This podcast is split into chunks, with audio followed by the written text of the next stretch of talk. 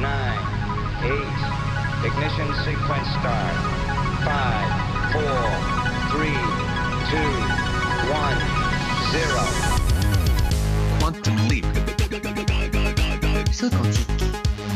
Salto quântico. Salto quântico. Salto quântico. Quantum leap. Salto quantico. Salto quantico. Salto quantico. Kvantum, det du inte visste att du ville veta. Hur kan någonting där det händer så väldigt lite vara så otroligt spännande? Jag satt uppe till sena kvällen i onsdags och, och tittade på direktsändningen från NASAs och SpaceX nedräkning inför avfyrningen av den nya bemannade rymdkapseln Crew Dragon. Det är alltså fråga om den första bemannade raketuppskjutningen från amerikansk mark på nästan tio år. Den första privata bemannade rymdfarkosten som flyger till internationella rymdstationen. Nu är det på riktigt lite historiens vingslag som flaxar här. Nå, det blev ju aldrig någon avfyrning sedan för, för vädret ställde till det i sista minuten. Bokstavligen inom de sista minuterna av nedräkningen kom beskedet från markkontrollen. Nu avbryter vi nedräkningen, tack ska ni ha allesammans. Då hade jag alltså suttit där och tittat i nästan fyra timmar på NASAs stream från Cape Kennedy från den legendariska startplattan 39A som för mer än 50 år sedan såg de första människorna lämna jorden med månen som destination. Och som sagt, de här sändningarna de är ju i ärlighetens namn ganska monotona.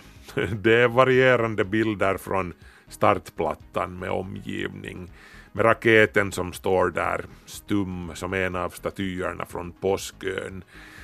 Det mest spännande under den första hälften var ju när vi fick se astronauterna göra sig redo och vandra ut i sina sprillans nya rymddräkter. Och sen fick vi följa med deras bilar som körde hela den långa vägen ut till startplattan. Upp i tornet for de och ut längs den nya intäckta landgången som är som direkt från någon Stjärnornas krigfilm. Och sen skruvade de på luckan och så var det vänta, vänta, vänta i ett par timmar till. Klockan som tickade neråt minut för minut för minut. Då och då hördes markkontrollen som kommunicerade med den tekniska personalen och med kapseln. Ibland hördes väderuppdateringar och de var ju det mest spännande av allt i ärlighetens namn. Ibland var de optimistiska, det ser ut att ljusna nu, men sen var det att det har dykt upp en åskcell på radarn som vi följer med. Sist och slutligen var det just en sån åskcell som tvingade markkontrollen att bryta alltsammans. Vi ska titta närmare på den här kvällens händelser i dagens kvanthopp, onsdagskvällen alltså. Nu just as we speak pågår det ju en ny uppladdning inför ännu ett försök. Ikväll lördag finsk tid. Men just nu när jag spelar in det här på fredag ser väderkartorna igen lite knepiga ut så vi får se. Men det blir eventuellt till att bänka sig vid skärmen nu ikväll igen, lördag alltså. Eh, ja, jag vet att det är lördag kväll, men de här grejerna är som Eurovision Song Contest eller finalen i fotbolls-VM för oss rymd och vetenskapsnördar. Delade erfarenheter, det är ju vad de är. Otroligt viktigt, inte minst i tider som dessa. Någonting positivt som människorna kan enas kring.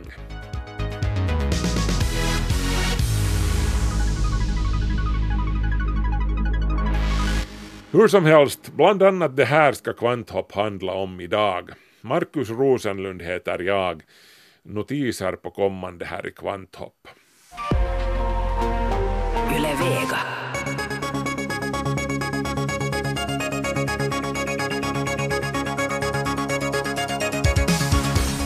Under april månad slogs ett nytt rekord i USA för den längsta sammanhängande perioden då el från sol, vind och vattenkraft överträffade produktionen från kol. Därför, menar vissa analytiker, är skiftet mot grön el nu ett faktum. I april levererade alltså vind, vatten och solkraft sammanlagt 56,7 terawattimmar elektricitet att jämföra med kolets 40,6 terawattimmar. Faktum är att skillnaden i själva verket var ännu större än så till de förnybaras fördel i och med att de amerikanska energimyndigheternas siffror inte tar i beaktande privata solpaneler på folks hustak som tillsammans genererar en hel del energi. Däremot menar en analytiker som nyhetsbyrån Reuters citerar att kolkraftverken tenderar att gå lite för halvmaskin så här om vårarna när husägarna har stängt av värmen men inte ännu knäppt på luftkonditioneringen. De förnybara kör däremot alltid för fullt blås. Kvinnor som har ärvt en viss gen från neandertalarna föder fler barn, visar ny forskning från Karolinska institutet i Sverige. Var tredje europeisk kvinna har enligt forskarna ärvt receptorn för gulkroppshormon från neandertalarna, en genvariant som förknippas med ökad fertilitet. Gulkroppshormonet eller progesteron är ett hormon med en viktig roll i menstruationscykeln och under graviditeten. Analyser av Biobanks data för 244 000 kvinnor visar att närmare en av tre kvinnor i Europa har ärvt sin receptor för progesteron från neandertalarna. Det är en tio gånger större andel än för de flesta andra genvarianter från neandertalarna. Och kvinnorna med den här genen har alltså en ökad känslighet för gulkroppshormon, vilket skyddar dem mot tidiga missfall och blödningar och gynnar barnafödandet. Musikstreamingtjänsten Spotify har meddelat att de frångår en begränsning som har irriterat många användare. Tidigare har det varit möjligt att lägga till högst 10 000 musikstycken i sitt Spotify-bibliotek. Men inom kort så kan du gilla hur många enskilda låtar och album som helst.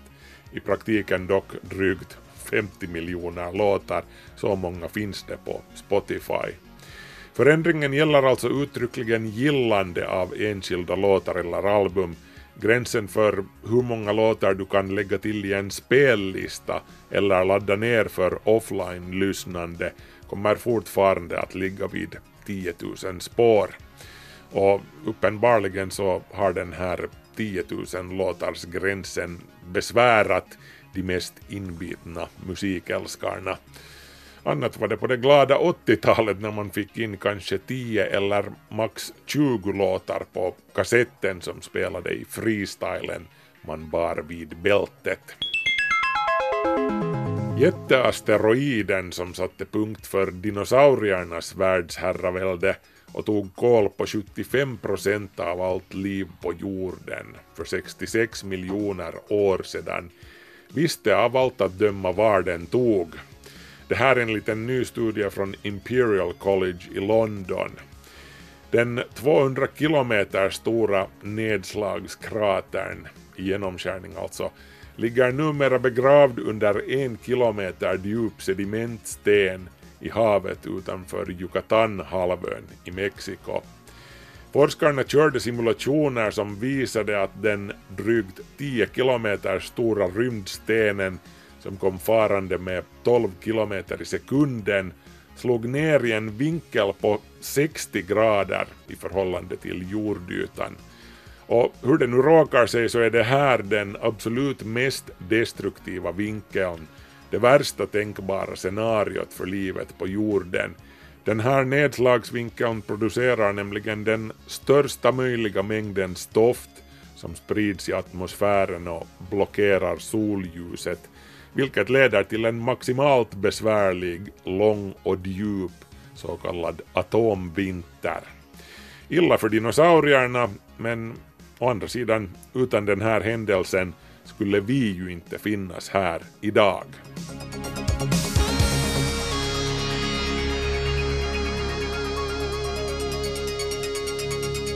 Vi håller på och laddar upp inför kvällens avfyrning. Nu på lördag alltså, om det blir en sådan. SpaceX nya bemannade rymdkapsel ska skjutas iväg till internationella rymdstationen. Kolla till exempel med NASAs Twitterkonto så vet ni vad läget är med vädret på Cape Canaveral. Det kan bli en uppskjutning idag eller så skjuts uppskjutningen upp så att säga. Jag ska försöka hålla Kvanthopps Facebook-sida uppdaterad också. Innan vi bjuder på lite stämningar från onsdagens nedräkning som alltså gick i stöpet på grund av vädret ska vi höra om hur det gick till när NASA tog sin trotjänare rymdskytteln ur bruk för snart tio år sedan. Vad betydde den här mångsidiga och kraftfulla men komplicerade och dyra rymdfärjan för rymdfarten och forskningen överlag? Det här är en Svenska Yle-podd. I väntan på att SpaceX skjuter iväg sin sprillans nya rymdkapsel, rymdfärjans efterträdare, ska vi nu ta del av ett inslag från 2011.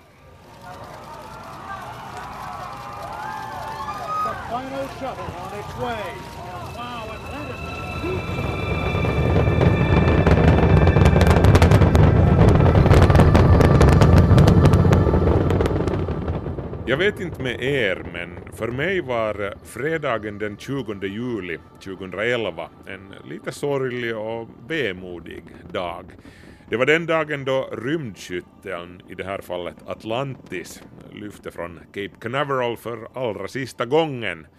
30 år hade då gått sedan den första skytteln, Columbia, gjorde sin premiärflygning. 30 år! Det är tre fjärdedelar av mitt liv. Jag minns knappt tiden då det inte fanns en rymdskyttel. Eller det fanns ju faktiskt fem av dem. Jag, jag lärde mig tidigt deras namn utan till Discovery, Endeavour, Atlantis, Columbia och Challenger varav de två sistnämnda förolyckades med besättning och allt.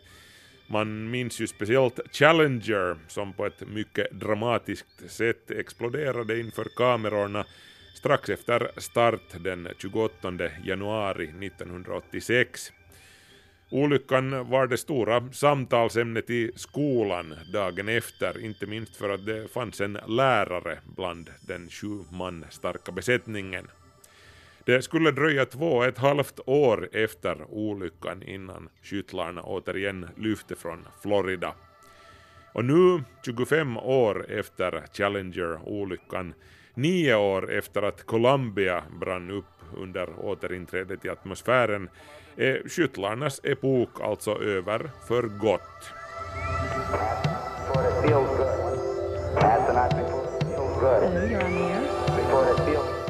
Jag talade med Dr. Kevin Fong från University College i London, ledande expert på rymdmedicin. Han har också jobbat för NASA med att coacha skyttelmanskap. Men orsaken till att jag sökte upp honom var att han var med på Kennedy Space Center då Atlantis som sista skyttel avfyrades mot internationella rymdstationen. Faktum är att han gjorde en TV-dokumentär om den sista flygningen, Mission STS-135. Fong berättade om sina erfarenheter under en föreläsning på University College och man märkte tydligt att det var en smått emotionell upplevelse för honom att vinka av den sista rymdskytteln. Well, I mean, sh- shuttle was an emotional thing for me because I, I kind of grew up with it. You know, I mean, I was, I can't, you know, I, I would have been 10 years old when the first one launched, and I remember it clear as day. Teacher wheels, you know, a television, an old cathode ray television in a brown cabinet on wheels, and, and says, "Watch this, it's important." And he was right. And and and and then it became the backdrop to your life. You know, this was something that we did almost routinely. You watched it on the news, another shuttle was going. Fong berättar om sin barndom då hans lärare knuffade in en gammal TV i klassrummet, en sån där med trähölje och hjul under, och sa att titta på det här, det här är viktigt. Och rätt hade han ju. Och från och med då så fanns skytteln helt enkelt alltid där i bakgrunden. En nedräkning var något man inte missade. Framförallt inte den 135 och sista. But what was most interesting to me that it was a massively emotional thing for, you know, hundreds and thousands, if not millions of people who probably have no real interest in or wouldn't wouldn't see themselves as space geeks in any way, but just it was, you know, a part of their lives that was going away. And you saw that. You saw that in the final mission that people realised that this was a wonderful thing, the likes of which we'd never seen before, we may never see again, and this was your last chance to see. Fång fascineras av hur hundratals tusen, om inte rent av miljoner människor drogs med i det hela. Folk som inte kan klassas som astronominördar men som insåg att det här är något enastående och storartat, något som nu kommer att försvinna och aldrig komma åter. Det är lätt att föreställa sig vemodet som de NASA-anställda kände för många av dem så betydde det här ju slutet på, förutom en era, också arbetet. Yeah, it was, it was very, very moving, the atmosphere out there. A sadness at the end of this remarkable program.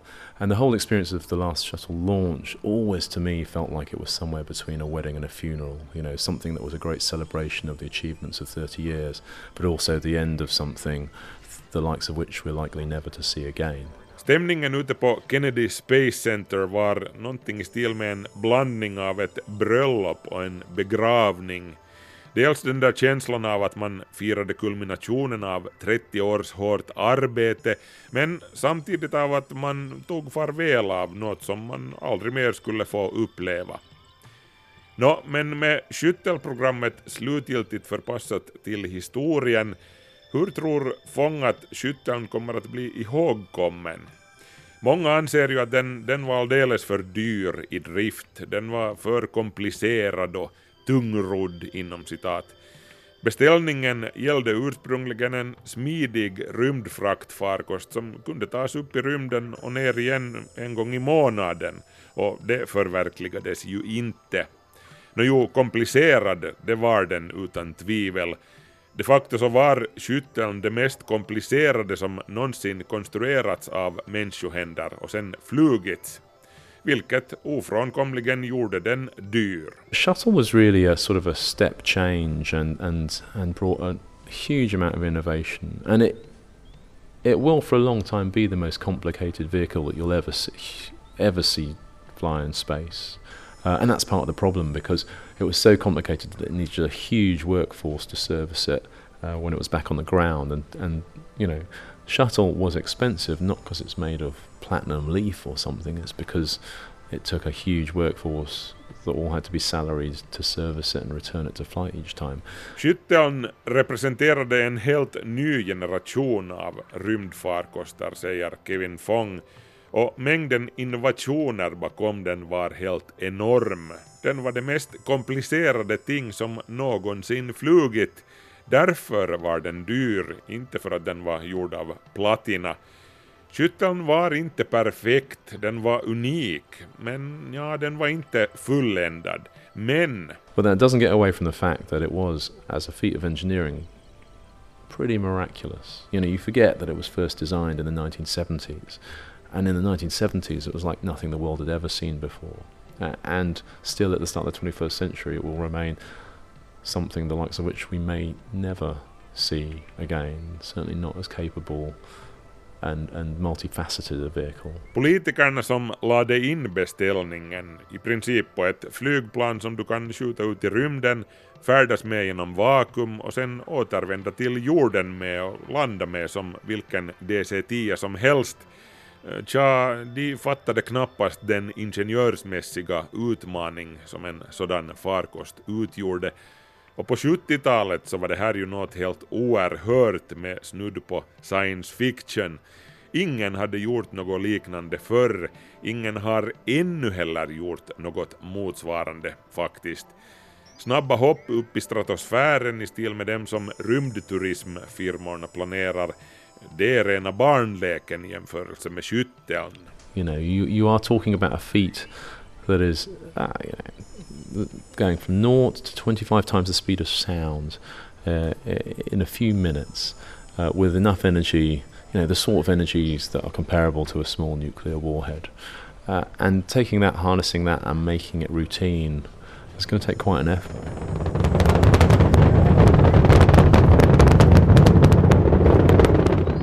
Flyga en rymdskyttel innebär att accelerera från 0 till 25 gånger ljudets hastighet på några minuter, allt medan du sitter på en energimängd som motsvarar en liten atombomb.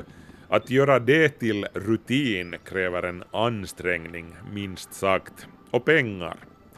Men Kevin Fong hör till dem som definitivt anser att det var värt besväret. Utan rymdskytteln med sin överlägsna lastkapacitet 24 ton hade det varit omöjligt eller tagit en evighet att bygga internationella rymdstationen till exempel med bara vanliga Soyuz-raketer.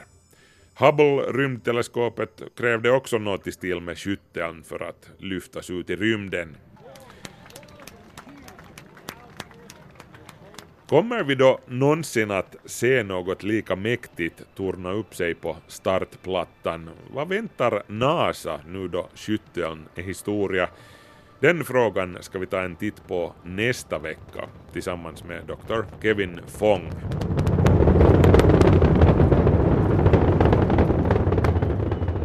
Det är nu eller aldrig för den privata amerikanska rymdfartsfirman SpaceX det här är avfyrningen som de inte har råd att schabbla bort.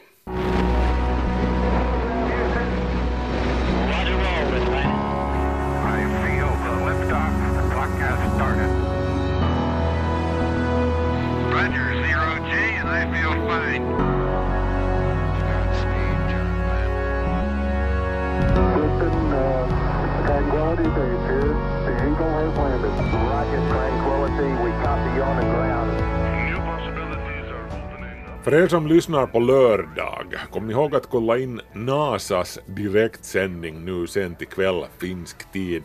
Ni hittar den till exempel via NASA på Twitter. Nu ikväll på lördag är det alltså dags för det andra försöket att avfyra Falcon 9-raketen som bär på det privata rymdfartsföretaget SpaceX första bemannade rymdkapsel, Crew Dragon. Den första bemannade raketuppskjutningen från amerikansk mark på nästan ett årtionde sedan NASA lade ned rymdskyttelprogrammet 2011. Det är också den första bemannade uppskjutningen av en helt ny bemannad typ av rymdfarkost på flera årtionden. Den första bemannade privata rymdfarkosten som besöker internationella rymdstationen blir det här också. Och så vidare. Framförallt så markerar den här avfyrningen slutet på ett uppriktigt sagt förnedrande tillstånd där den stolta rymdfararnationen USA har tvingats lifta med ryska Soyuz-raketer alltid då deras astronauter har haft ärende till internationella rymdstationen till exempel. Det var alltså meningen att den här avfyrningen skulle ske redan i onsdags men SpaceX blev då tvungna att avbryta nedräkningen helt på slutrakan på grund av vädret i Cape Canaveral. Det var åska i luften och man kunde helt enkelt inte ta några risker eftersom det fanns en levande besättning ombord. We're standing by for a weather update. Um, unless you can give us another uh, 10 minutes, I don't think we're going to get there uh, with any of the rules today. I'm going to give you 10 minutes. I mean, another 10 minutes past T0. Oh, 1640, 1645 local, I think we'll probably be clear on all the rules, but uh, not quite, not quite going to make it for this. And Dragon SpaceX, unfortunately, um, we are not going to launch today. You are go for 5.100 launch scrub. Så lät det alltså i onsdags sent på kvällen finsk tid då beslutet fattades att det blir ingen avfyrning nu ikväll. Men nu är det en annan dag och andra bullar ska vi hoppas och ett annat väder. Så vi hoppas att allt går enligt planen den här gången. And we got the feedback when uh, the Dragon team informed uh, Bob and Doug. Med ombord på flygningen som går under rubriken Demo 2 finns alltså två veteranastronauter, Douglas Hurley, 53 år, och Bob Benken, 49 år. Båda är garvade testpiloter med en imponerande CV i portföljen från otaliga uppdrag, både i atmosfären och utanför den, bland annat på flera flygningar med rymdskytteln. Det här är helt klart ett hedersuppdrag för dem, inte ett rutinuppdrag. Samtidigt så är det här också helt klart jobb för dem. Som Bob Benken sa det i en intervju på NASAs livestream i onsdags. Det är hans och Doug Hurleys uppgift att observera och, och lyssna och, och jämföra kapselns beteende med sin erfarenhet av hur en rymdfarkost ska bete sig i det ena eller det andra skedet av avfyrningen, av dockningen och, och landningen. Det är deras omdöme helt enkelt som testpiloter som avgör huruvida NASA godkänner och certifierar den nya Crew Dragon-kapseln för persontrafik. SpaceX har redan ett tag flugit fram och tillbaka till rymdstationen med den obemannade versionen av kapseln som bara heter Dragon 2 varuleveranser helt enkelt. 21 stycken sådana flygningar har SpaceX redan hunnit med sedan 2012. Och den här Crew Dragon har alltså flugits också en gång tidigare men då obemannad. All persontrafik till och från internationella rymdstationen har skötts med ryska Soyuz-kapslar.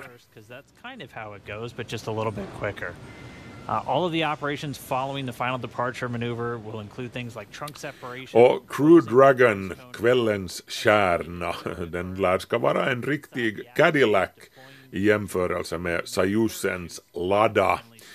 Sajus är en gammal konstruktion med rötterna i 60-talet faktiskt. Den är pålitlig och den är beprövad, men den är också trång, den är obekväm och omodern.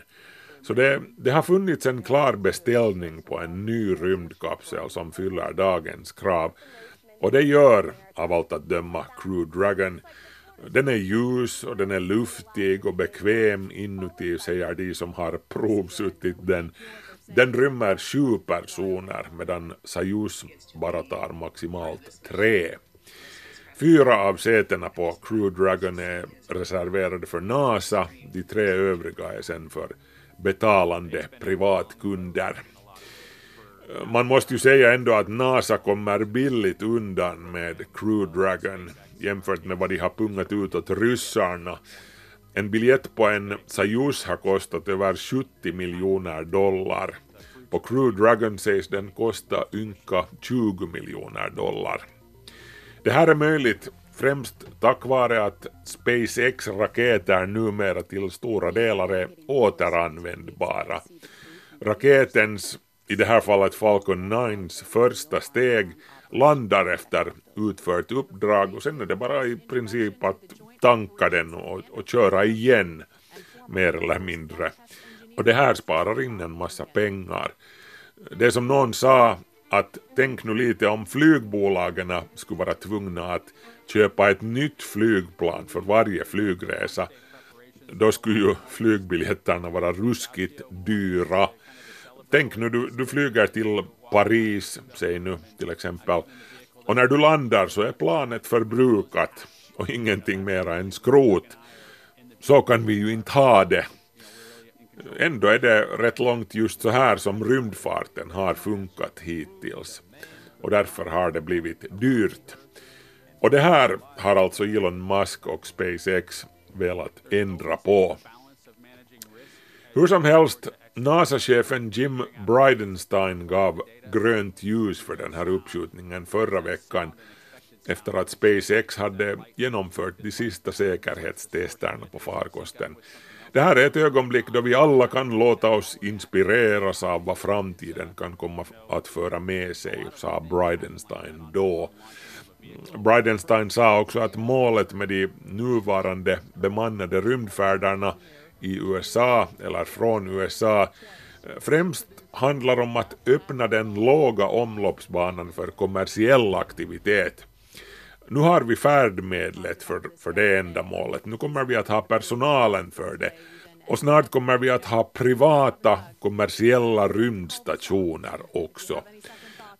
Det är vad den här avfyrningen handlar om, sade alltså NASA-chefen Jim Bridenstine tidigare. Yeah, I try to think who could potentially be more excited than the SpaceXers? Bob and Doug. yeah, right? Och SpaceX-chefen Elon Musk, han kunde ju inte annat än att nicka medhåll i bakgrunden för hans hela framtid som, som raketföretagare hänger vid att det går just så här. Musk har storslagna planer för människans framtid i rymden som inte tar slut vid jordens låga omloppsbana, märk väl. Elon Musks stora plan har hela tiden involverat Mars, där Musk själv säger att han vill dö en vacker dag, dock inte i samband med landningen. Allting som SpaceX har gjort från allra första början har ingått i den här större planen att man en dag ska flyga till Mars och, och installera mänskligheten där permanent. Det här kom upp i flera olika, olika sammanhang under onsdagens väntan på nedräkningen. Men för att det här ska ske så måste flera saker först hända. Det första är då alltså att vi får igång den här privata persontrafiken till och från rymdstationen och sen måste vi tillbaka till månen och då uttryckligen i privat regi naturligtvis med, med NASA och med där som spindeln i nätet. Men månen måste återerövras. Det är en obligatorisk övning inför den stora resan till Mars. Det här har Musk och SpaceX helt klart för sig. För det krävs det sedan större och starkare raketer än de som existerar idag. Raketen som avfyrar kapseln Crew Dragon mot internationella rymdstationen är alltså en Falcon 9. Eh, den är SpaceX riktiga arbetshäst och den är faktiskt just nu den rakettyp som har flest flygningar under bältet av alla de just nu aktiva rakettyperna i världen. Så SpaceX har alltså bevisat att de har en pålitlig och bra raket för de här enkla uppdragen. Nåjo, i och för sig, ingen raketavfyrning är enkel. Det, det involverar en mängd olika steg, tonvis med högteknologi och, och massvis med saker som kan gå fel. Men låg omloppsbana till cirka 400 kilometers höjd där rymdstationen kretsar runt jorden. Till exempel kommunikationssatelliterna de kretsar på mer än 30 000 kilometers höjd. Men den här låga omloppsbanan den börjar vara vardagsmat för SpaceX vid det här laget. Nästa steg till månen och senare till Mars kräver en betydligt grövre raket och SpaceX har den på kommande också. Den heter Starship och den påminner lite om den gamla rymdfärjan som NASA körde med fram till 2011. Starship är lite mer som ett rymdflygplan än som en kapsel, vilket Crew Dragon alltså är. Den är en kapsel uttryckligen. Den som, som nu ska få sin jungfrufärd eller, eller redan har fått det beroende på när ni lyssnar. The dads, yeah. It's so awesome. Bob and his family a kiss. Och nu gäller det alltså först och främst att bevisa att Crew Dragon har det som krävs. Det här är liksom inträdesförhöret för Elon Musk. Att få den etablerad som en bra och pålitlig rymdtaxi som man kan flyga fram och tillbaka till låg omloppsbana med. Tiden för stora systern Starship kommer sen lite senare. Först ska alltså SpaceX och Elon Musk eh, fullfölja det uppdrag som de har fått pengar av NASA för. 2,6 miljarder dollar har NASA gett SpaceX för att genomföra sex stycken bemannade flygningar till och från internationella rymdstationen. Det här uppdraget är alltså inte en av de flygningarna, det här är, det här är bara en provflygning, därav namnet Demo 2. Om allt går enligt planerna den här gången så siktar NASA på en officiell första bemannad flygning till rymdstationen i slutet av augusti nu i år, så sade NASA-bossen Jim Bridenstine tidigare i onsdags. NASA har för övrigt också gett ett liknande kontrakt åt Boeing, flygplanstillverkaren som också är i rymdbranschen. De har en konkurrerande kapsel, Starliner kallar de den, men den har inte riktigt blivit någon framgång. Den har plågats av tekniska problem och SpaceX tycks helt enkelt ha dragit det längre strået. Men vi får se.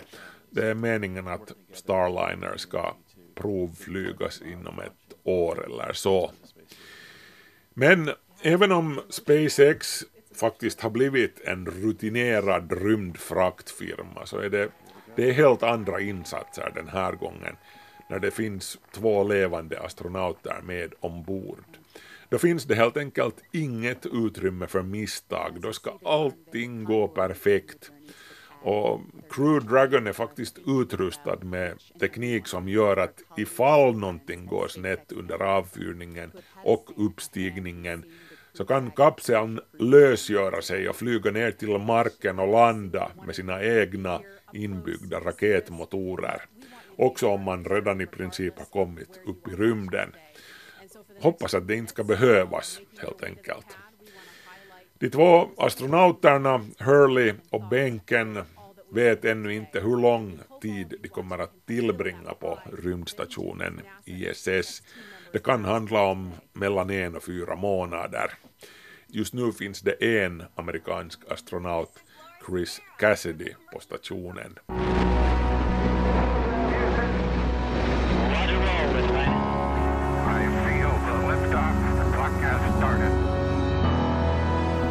Som sagt, vi håller tummarna för att allt går som smort den här gången. Ni kan kolla in den här direktsändningen, den här streamen som ni hittar till exempel via NASAs Twitter-sida. Väldigt spännande slow TV.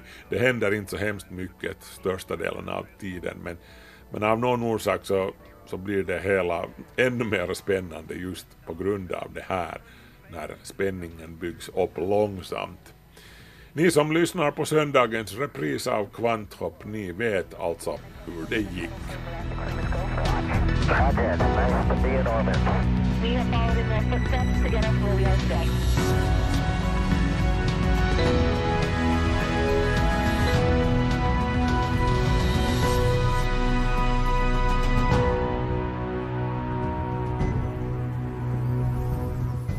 Yle Vega.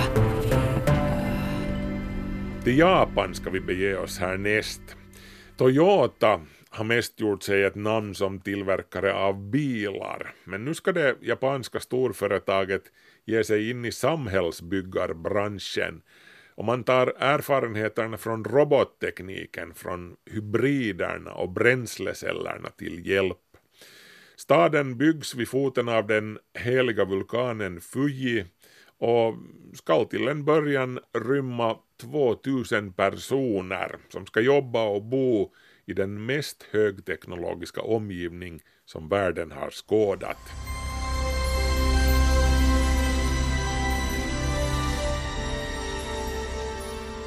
Ja, det kanske inte var Blade Runner som Toyotas hjärntrust hade i tankarna när man gav klartecken till byggandet av Woven City. Men inte så långt ifrån ändå. Framtidstänket finns där. Wowen kommer förresten från engelskans vävd, den vävda staden och syftar på en plats där allt hänger samman. Transporter, fritid, samhällsservice och arbete förstås. We thought, why not build a real city and have real people live in it and safety test all kind of technologies. Vi tänkte så här, varför inte bygga en riktig stad och låta riktiga människor bo i den och samtidigt göra den till ett testlabb för alla tänkbara sorters ny teknik. Detta, mina damer och herrar, är vad jag har kommit för att presentera för er. Akio Toyoda, son, son, son till den legendariske Sakichi Toyoda, mannen som 1926 grundade den vävstodsfabrik som senare, i ett litet sidoprojekt, började tillverka bilar. Nu stod Akio där på scenen och visade stolt upp den fascinerande skapelsen. On this 175 acre site in Higashifuji, Japan, we have decided to build a prototype town of the future. Vi har bestämt oss för att bygga prototypen till framtidens stad. Här ska folk bo, leva och arbeta och samtidigt vara en del av ett levande laboratorium. Platsen är vald med omsorg, vid foten av vulkanen Fuji ett par timmars resa från Tokyo. Det här är Toyota-land på riktigt. På tomten stod tidigare en av de många bilfabriker som Toyota byggt upp under decennierna. Företaget firar om några år sitt 100-årsjubileum och är till såväl omsättning som antalet anställda störst i Japan.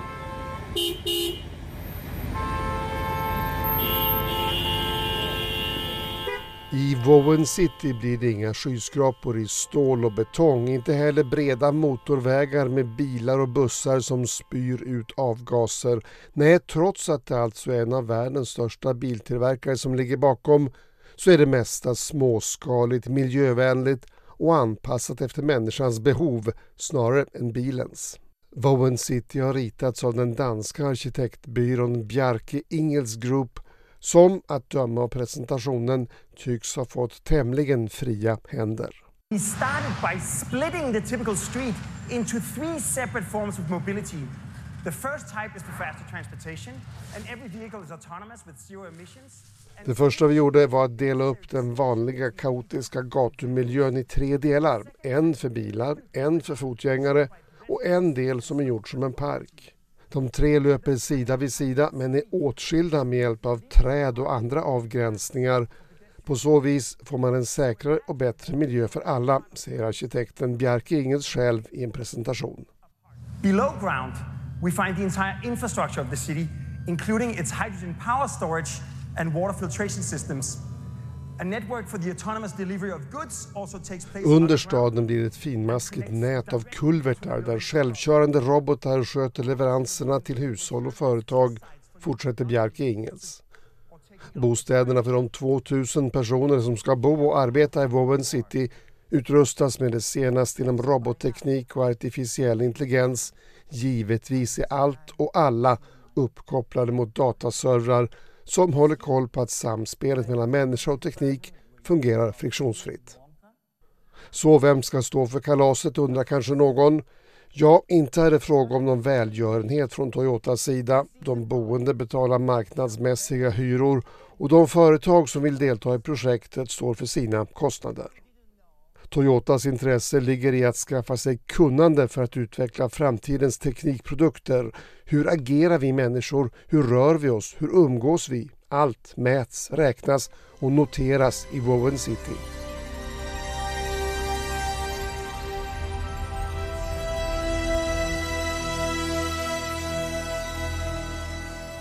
Just nu ligger Toyota långt framme inom robotar och vätgasdrivna bränsleceller den teknik som är den viktigaste konkurrenten till de laddbara batteridrivna elbilar som blivit så populära på senare år. Här jobbar den japanska tillverkaren i motvind och de flesta andra biltillverkare avfärdat bränslecellerna som dyra och opraktiska. Vem som får sista ordet är kanske bäst att låta vara osagt.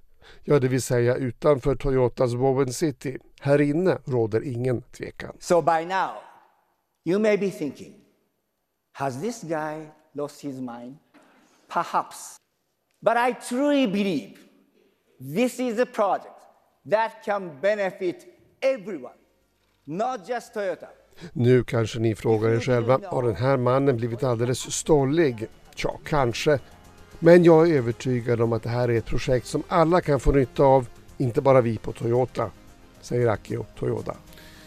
Reporter i det inslaget var John Thunqvist. Kvanthopp, det du inte visste att du ville veta. Och det var det för Kvanthopps del för den här gången. Markus Rosenlund så heter jag som nu tackar för sällskapet och säger på återhörande. Ha det bra, hej så länge.